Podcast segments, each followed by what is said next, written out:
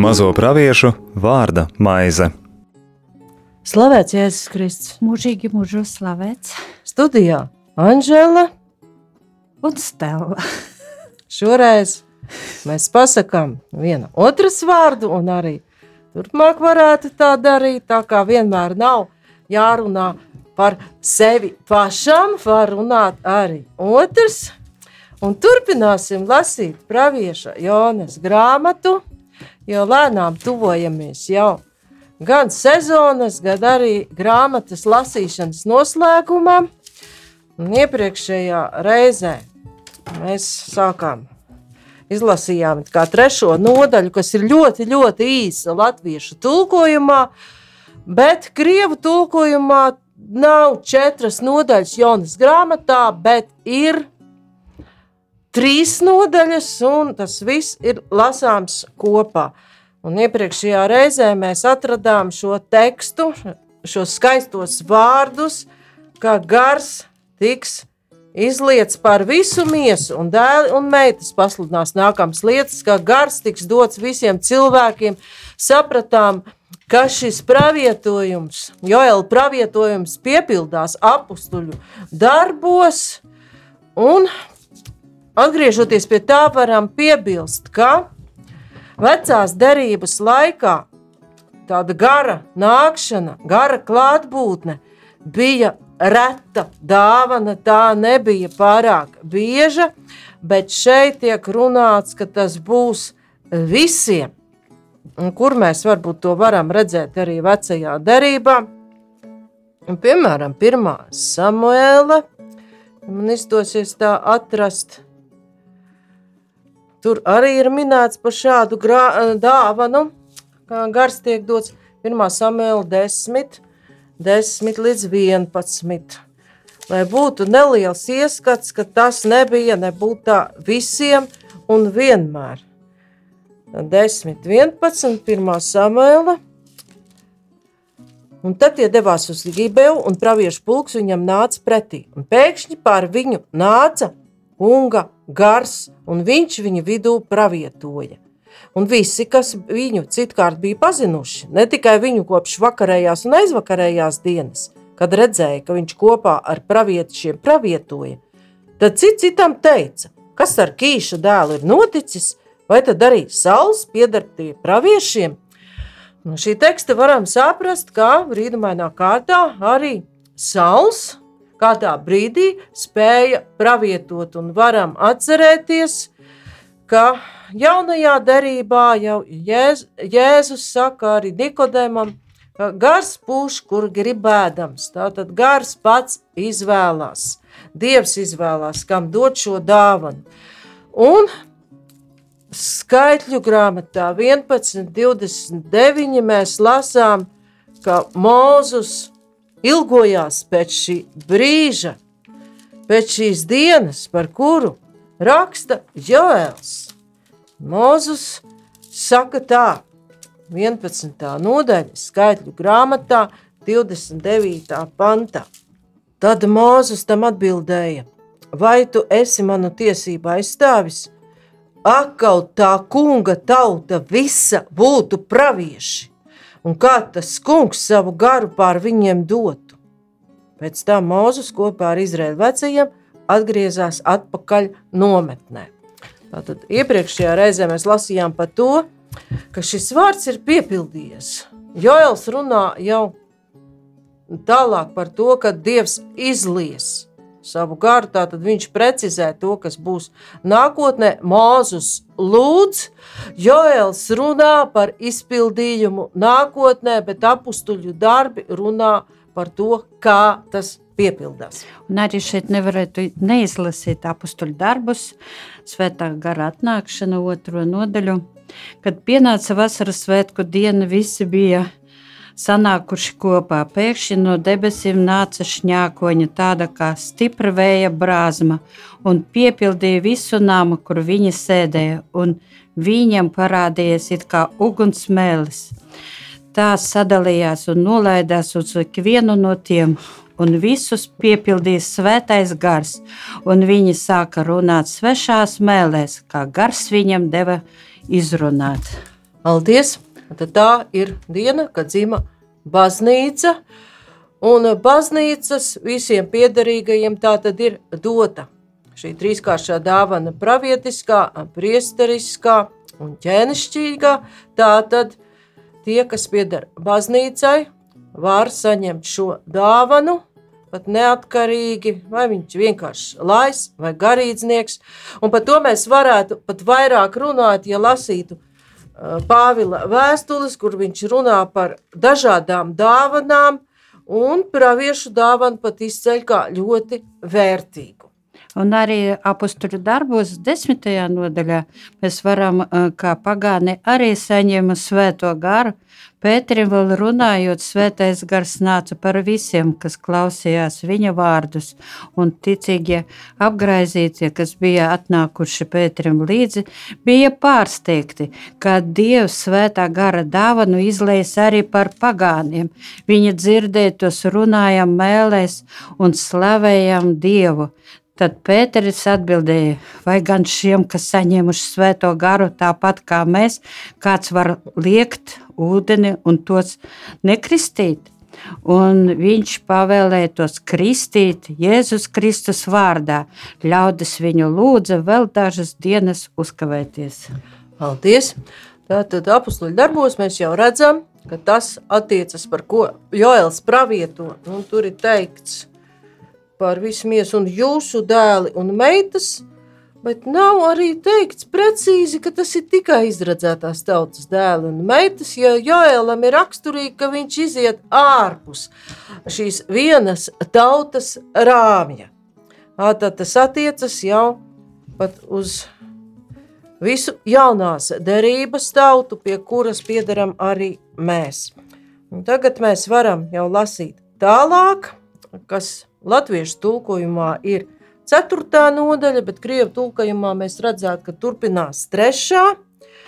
Un tur ir tas teksts no vienas puses, viņš ir lielas cerības pilns, bet no otras puses arī draudīgs un vienlaikus tas ir teksts par laiku beigām, tas ir eskatoloģisks teksts. Jo redzitais dienās, tajā pašā laikā, kad es likšu griezties atpakaļ Jūdas un Jeruzalemes trimdiniekiem, tur ir runa par Jūdas un Jeruzalemes trimdiniekiem, bet tālāk. Jēlis paliek uzticīgs savai vēstījuma manierai un runā par visu cilvēci. Es sapulcināšu vienu vietu visas tautas – Novedīšu viņas Jošafata ielā un sākšu ar viņām tur tiesāties. Manas tautas un manas mantojuma tiesas Izraēla dēļ, jo viņas ir izkaisījušas manu tautu citu tautu starpā, sadalījušas gabalos mana paša zemi un metušas kauliņus par manas tautas likteni Viņas arī aizdevušas projām manas tautas zēnus samaksai par priekameitām un pārdevušas manas tautas meitenes par vīnu, ko pēc tam nodzērušas. Nu, tā tad kungs it kā ir pretrunā ar sevi, jo iepriekš mēs lasījām, ka tās tautas ir zem kunga rokas, ka viņas darbojas kunga pieļautās robežās. Bet šeit ir, ka tautas tomēr saņems sodu par to, ir izkaisījušas izradzētās tautas cilvēkus starp citiem, un tālāk mēs redzam uzskaitītus tādus diezgan briesmīgus noziegumus.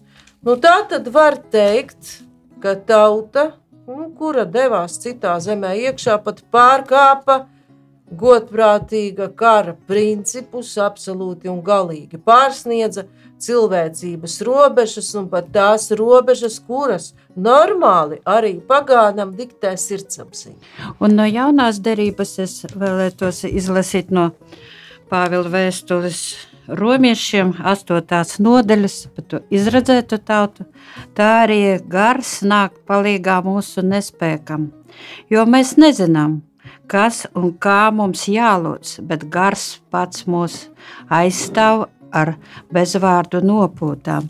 Un tas, kas izpēta sirdis, zina, kas garam padomā, tādēļ, ka gars pēc dieva prāta iestājas par svētajiem, un mēs zinām, ka tiem, kas dievu mīl un kas pēc viņa iepriekšējā nodoma ir aicināti, viss nāk par labu. Tos, par kuriem Dievs jau iepriekš ir lēmis, tos viņš arī noteica izveidot līdzīgu sava dēla tēlam, lai viņš būtu pirmdzimtais daudzu brāļu vidu, un par kuriem viņš jau iepriekš ir noteicis. Tos viņš arī aicina, un kurus aicina, tos arī attaisno, un kurus attaisno, tos arī pagodina.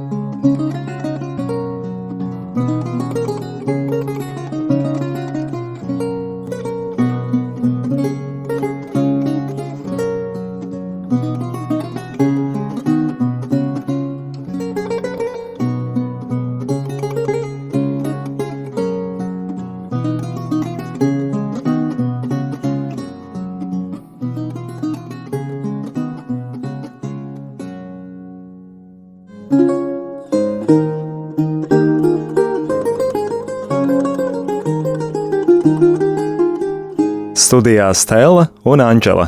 Paldies, ka šis vēstules fragments romiešiem apraksta gara darbību. Kā gars darbojas, taču šeit varētu rasties jautājums, kas dažkārt ir atsevišķos protestantu novirzienos parādījies par iepriekš nolemtību. Ka gars Dievs it kā jau zina, kam ko dos. Un tur varētu rasties jautājums par nolemtību, vai tomēr nē, un kāpēc Dievs rīkojas tieši tā. Bet amatā teksts runā par gara darbību. Jo, eh, Joēls raksta tikai, ka tiks izlietas piemiņas sapņus, redzējumus, bet Pāvils to atklāja jau daudz sīkāk. Bet uh, mēs jau zinām, ka Dievs jau redz cilvēka sirdi ne tādā mācā, kā cilvēks redz cilvēka sirdi. Jā, bet tur varētu ilgi. Un faraona sirds bija nocietināta. Tur ir tā, Dievs nocietināja viņa sirdi un paliek atklāt šis jautājums, kāpēc un ko tas īsti nozīmē. Jā, to mēs, varam. to mēs varētu vēl kādā citā raidījuma ciklā pētīt, pētīt tieši, jā. ja mēs pētītu Pentateku. Bet šeit nedaudz iesim tālāk, jo tur ir Jošafata ieleja, kas tā tāda ir. Un, ko iesākt ar šādu vēstījumu? Jo šī Jošafata ieleja ir minēta tikai un vienīgi Joēla grāmatā. Var saprast, ka tur kungs spriedīs tiesu. Un par tādiem briesmīgiem noziegumiem, par cilvēku pārdošanu verdzībā. Un tālākajā tekstā mēs varētu atkal brīnīties par tādu, tā varētu teikt, dieva agresīvu reakciju. Kad dievs ļaus tām pagānu tautām ciest viņa nodarījumu sekas. Kā redziet, 7. pāns, 4. nodaļā, es tiem likšu celties no tās vietas, kur jūs viņu pārdevāt, un likšu jūsu noziegumiem krist atpakaļ uz jūsu pašu galvām. Un es gribu, lai jūsu bērnus pārdotu jūdas bērniem, un lai tie savukārt pārdotu jūsu dēlus un meitas sabiešiem, kādai tautai tālās zemēs. Jo tas kungs tā runājis. Tas, šis izteikums, jo tas kungs tā runājis, nozīmē neapstrīdamu valdnieka pavēli, neapstrīdamu varu. Tagad atgriezīsimies pie tās mistiskās Jošafata ielas. Viņa te ir minēta divas reizes. Jo nodaļas es nosaucu pēc latviešu tulkojuma. Tā kā ir četri, ko mēs redzējām, jau 4, 2, 3, ka tās tautas tiks tur sapulcinātas. Un ir arī 4 un 12. Tad tautas saposīsies ceļā un nonāks Jošafata ielā.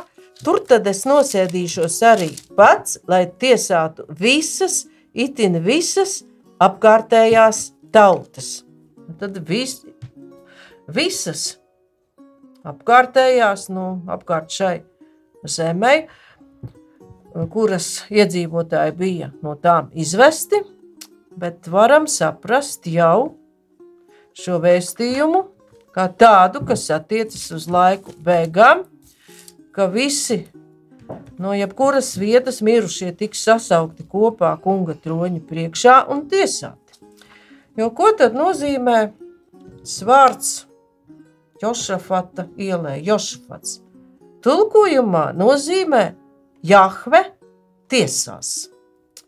Cēlies no jūdas ķēniņa Jošafata vārda. Valdījis ap 870. līdz 848. gadu pirms Kristus.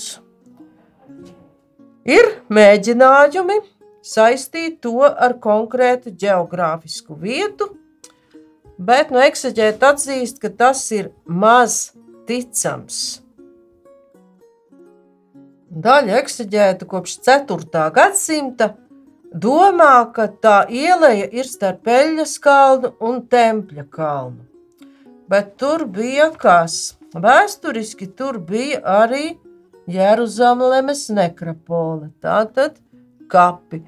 Un, ja mēs šo vietu uzlūkojam simboliski, tad jā, varētu saprast, ka visi mirušie celsies augšā un tiks uzmodināti uz tiesu, vai tad viņi iekļūs debesu Jeruzalemē vai ne. Un šeit varētu izlasīt eh, no Zaharija grāmatas, jā, pa Josafatai to ielēju. Tad nāks kungs un cīnīsies ar tām tautām, kā viņš cīnījies kaujas dienā Todien viņa kājas stāvēs Olivkalnā, kas no Jer Jeruzalemes uz austrumiem, un Olivkalns šķelsies uz pusēm, no austrumiem uz rietumiem, un varen plaša ielē puse kalna zvelsies uz ziemeļiem, un otra puse uz dienvidiem. Paldies! Kā tur it kā varētu saprast, geogrāfiski norāda, bet tā nav tik precīza, lai to uzskatītu, ka tas būs tieši tur. Bet skats briesmīgs. Skats briesmīgs, un drīzāk tur jāpievērš uzmanība, ka tas būs šis eļļas kalns, ko tas nozīmē. Arī, Kad kungs ko, pats cīnās ar kādu. Jā, un ka kungs pats cīnās ar kādu. Un vēl ir eksaģēta, kas saista šo tekstu, lai cik tas interesanti nebūtu. Ar to mums pazīstamo, par ko mēs arī lasījām Ecihila grāmatā. Bet tur var teikt arī kungs cīnās, bet viņš izsauc mirušos dzīvībā. Nu, tā ir tā 37. nodaļa, un kas tad tur bija? Mēs labi atceramies, ka tur bija sauso kaulu ielai. Ka sludināt, sludināt, ar vārda sludināšanu tika celti augšā cilvēki, kas bija jau kauli, jau no viņiem nekā tur vairs nebija. Un tur tieši tā ir teikts, tā kunga roka nāca par mani. Un tas kungs mani garā aizveda kādas ielejas vidū, kas bija pilda miroņu kaulī. Un tas mums zināmā mērā saistās ar to, ko es minēju, ar to nekropoli. Bet tā ir labā vēsts. Jā, jo tas, kad kungs nāk uz tiesu, vienmēr nenozīmē, ka ir šausmīgi. Jā, kad kauli atdzīvojas. Un, ja kauli atdzīvojas, arī tā ir kunga tiesa. Viņš tiesā, ka šis aizgājušais ir cienīgs saņemt šo tiesu Piedošanu. Uh, piedošanu un apskaidrot to miesu. Jo varam jau tālāk domāt, arī, ka tie kauli atdzīvojas ne tādā veidā, kā mēs esam pieraduši. Tur kaut gan aprakstīts Ecihēlam, tas ir ļoti naturāli, bet mēs varam saprast, ņemot vērā svēto rakstu valodu, ka tā ir jau šī galīgā augšām celšanās. kam vēl pievērš uzmanību Joēla teksts? Mēs lasām tur par šo noziegumu pret cilvēkiem. Minēti ir Tīras un Sidonas iedzīvotāji. Tad tas ir pagānu tautas. Tajā laikā ir feniķieši un haldeji. Tie, kas tur ir minēti, tie, tie bija tas bagātas tautas, ļoti mīlēja tirgoties.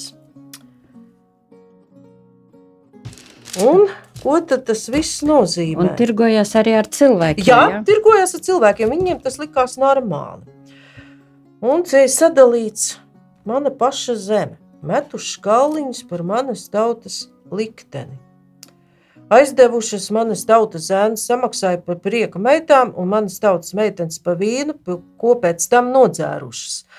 Ar šo ļoti skarbo tekstu ir pateikts, ka šos gūstā aizvestos un pārdotos izradzētās tautas cilvēkus vērtēja ļoti, ļoti zemu. Jā, Tas nozīmē bieži, ļoti zemu vērtējumu. Bieži vien eh, ebrejs pārdeva Grieķijai, ja, un te varam uh, atkārtot likuma grāmatā 30, jā, 28. Jā, jā. nodaļā izlasīt. Tavs dēls un meitas atdos citām tautām, un tavas acis bez mitas raudzīsies un ilgosies pēc tiem, bet tu neko nejaudāsi. Paldies. Un vēl varētu vēl izlasīt, kungs liks tev ar kuģiem atgriezt ties Eģipte pa ceļu, par ko es tev solīju, ka tev to vairs neredzēt. Tur jūs gribēsiet pārdoties saviem ienaidniekiem par vergiem un verdzenēm, bet neviens jūs nepirks.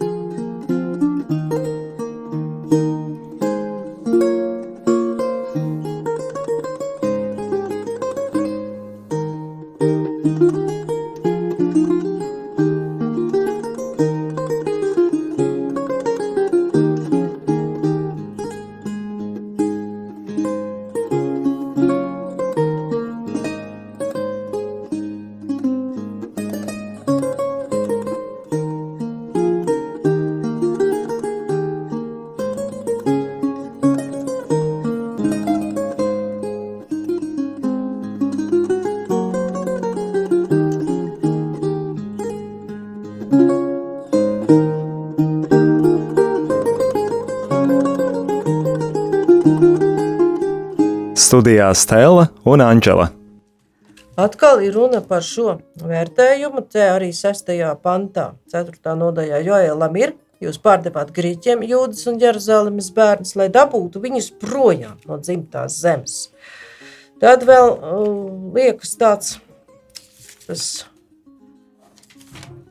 metušas kauliņus par manas tautas likteni. Mums asociējas vēl ar kaut ko, man šķiet, no jaunās darības, mm -hmm. bet Izrādās, ka arī tas mest kauliņus par kaut ko, ko vienkārši grib sadalīt, kas nešķiet tik vērtīgs. Un te atkal ir interesanti ar tulkojumu. Cik zemu ienaidnieki vērtēja jūdus. Nu, te ir teikts tulkojumā, tam netiklē mateva, bet citur krieviski blūdņicam – bet, ja tulko tuvāk kā no ebreju valodas, siesnei par kaut ko ēdam, tad, tad norēķinās ar pusauģiem par ēdienu un Jā, ka labi kā, pēduši bija. Tā kā labi pēduši par, par cilvēka miesas cenu, mēs varam teikt tā, ka tāda tik traģiska situācija bija šai izradzētajai tautai. Kaut vai Dievs to visu paļauj, pieļauj, jā, bet viņš visu to redz. Un eh, šeit varētu lasīt no Mateja evaņģēlija. Netiesājiet, septītā nodaļa. Netiesājiet, lai jūs netiktu tiesāti, jo ar kādu tiesu jūs tiesājat, ar tādu jūs tiksiet tie, tiesāti, un ar kādu mēru jūs mērāt, ar tādu jums tiks nomērīts. Paldies! Un šeit varam teikt tā, ka šis Mateja evaņģēlīja teksts arī varētu likties, nu kā, nu, ja tev lien virsū, tad teikt, laist ienaidnieku iekšā savā zemē. Bet tur ir šī cilvēka attieksme pret otru, mēģinot novērtēt viņa rīcības pamatojumu. Jo mēs nevienmēr zinām, kāpēc cilvēks ir rīkojies tā vai citādi. Un arī tie apspiedēji, kuri tagad eh, ebreju tautu pārdot jā, un eh, izmanto tādā veidā, jā, tad viņi pēc tam Dievs pagriež arī pret viņu. Pagriež pret dusmas. viņiem, bet to dara tieši pats kungs. Jo, ja es nekļūdos arī vai Pāvils vai vēl kāds no vēstuļu autoram, autoriem arī aicina atstāt atriebību Dievam. Un iesē grāmatā Mēs varam lasīt 60. nodaļā. Tavu apspiedēju dēli pazemīgi dosies pie tevis. Visi, kas nievāja tevi, zemosies tev pie kājām. Tevi sauks par kunga pilsētu, par cieni Izraēlas svētajiem. Vēl šeit mēs varam arī precizēt, ka arī tie tīras un sidonas iedzīvotāji, kā jau minēja, ļoti bagātas tirgotāju tautas – Tīra Sidona ir Feniķijas pilsēta, tie bija labi kuģotāji, un filistieši, tie apgabali, kas minēti, bija piecu pilsētu savienība. Līdzīgi kā mums bija Hansa Savienība. Gaza, Ašdoda, Aškelona, Gefa un Askarona. Un šīs divas tautas īpaši mīlēja iedzīvoties tieši uz jūdu nelaimēm, par ko runā arī pravietis Ecehēls gan 25. nodaļā, 15. pantā, gan 28. nodaļā, 20. līdz 24. pantam. Bet, kad tas viss nebūs tik vienkārši, jau 4. nodaļas 4. pants to pasaka. Un jūs ļaudis no Tīras un Sidonas un visi filistiešu apgabala iedzīvotāji. Tie ir tie, ko es minēju, kas jums par daļu gar mani – Un kādi jūsu nolūki pret mani, vai jūs atriebības nolūkos gribat stāties man pretī? Labi, stājieties, strauji un steidzīgi, es likšu jūsu atriebības nolūkiem krist atpakaļ uz jūsu pašu galvām. Jūs taču nolaupījāt manu sudrabu un manu zeltu, jūs paņēmāt manus dārgumus un aiznesāt savos tempļos. Tad tur ir pieminēts tas, ka Dievs identificējas ar savu tautu, kā uzbrukt šai viņa tautai un cīnīties ar to. Nu, pat ja tajā brīdī tu esi guvis virsroku, tas nozīmē cīnīties ar pašu Dievu. Pats Dievs cīnās par šo tautu. Un atgādinājums par to, ka Nebukadnecars aizveda uz savu zemi tempļa dārgumus. Un eh, es iesāku jau šo tēmu, kāpēc tur tie kauliņi ir minēti. Ka tajā laikā laupījumu austrumos labprāt sadalīja tieši ar lozēm vai tādu kauliņu mešanu. Mēs varam atcerēties vēlāk, ka šādi tiek sadalīts arī Jēzus apģērbs, ka viņš jau ir pie krusta. Un kails un atstāts kā šajā brīdī šī tauta. Bet jau ritot tālāk, 4. nodaļas tekstam, mēs redzam, ka šī situācija mainīsies. Un jūsu bērnus pārdod jūdas bērniem, lai tie savukārt pārdod jūsu dēlus un jūsu meitas sabiešiem. Kādai tautai tālās zemēs, jo tas kungs tā ir runājis, tā tad ir šis neatliekamais spriedums, Un izrādās, ka vēsturē tā arī notika. Nu, varētu būt, ka ir kāda norāde uz jūdu karagājieniem pret filistiešiem, kas būtu aprakstīti laiku, otrajā laiku grāmatā 26.6, kas ir ķēniņa uzsijas laiks, kas bija sekmīgs karotājs. Bet 345. gadā pirms Kristus Sidonas iedzīvotājus verdzībā pārdeva Antioks III. Bet 332. gadā pirms Kristus Maķedonijas Aleksandrs pārdeva verdzībā Tīras un Gāzes pilsoņus. Un ļoti iespējams, ka jūdi piedalījās šajos darījumos. Bet, lai kā tur mēs varētu skatīties uz šiem jūdiem, mēs redzam, ka ļauns nodarījums nāk atpakaļ pašam darītājam, un ka dievam ir cita laika skaitīšana nekā mums, jo šobrīd arī mums šķiet, nu kad varbūt dievs atriepsies pa visām tām slepkavībām un noziegumiem Ukrainā, bet dievam ir sava laika skaitīšana, un arī šobrīd varam saprast, ka viņš to visu redz un neatstās bez atbildes. Bet kāda šī atbilde būs, mēs nezinām. Nākamajā reizē jau mēs pabeigsim lasīt Joēla grāmatu un mēģināsim saprast, kas ir šī mūžīgā svētība jūdas bērniem, vai tā attiecas tikai uz jūdas bērniem, vai mums visiem, bet par to jau nākamajā reizē. Paldies par uzmanību! Studijā bija Stela un Anģela. Izskanēja raidījums Mazo praviešu vārda maize.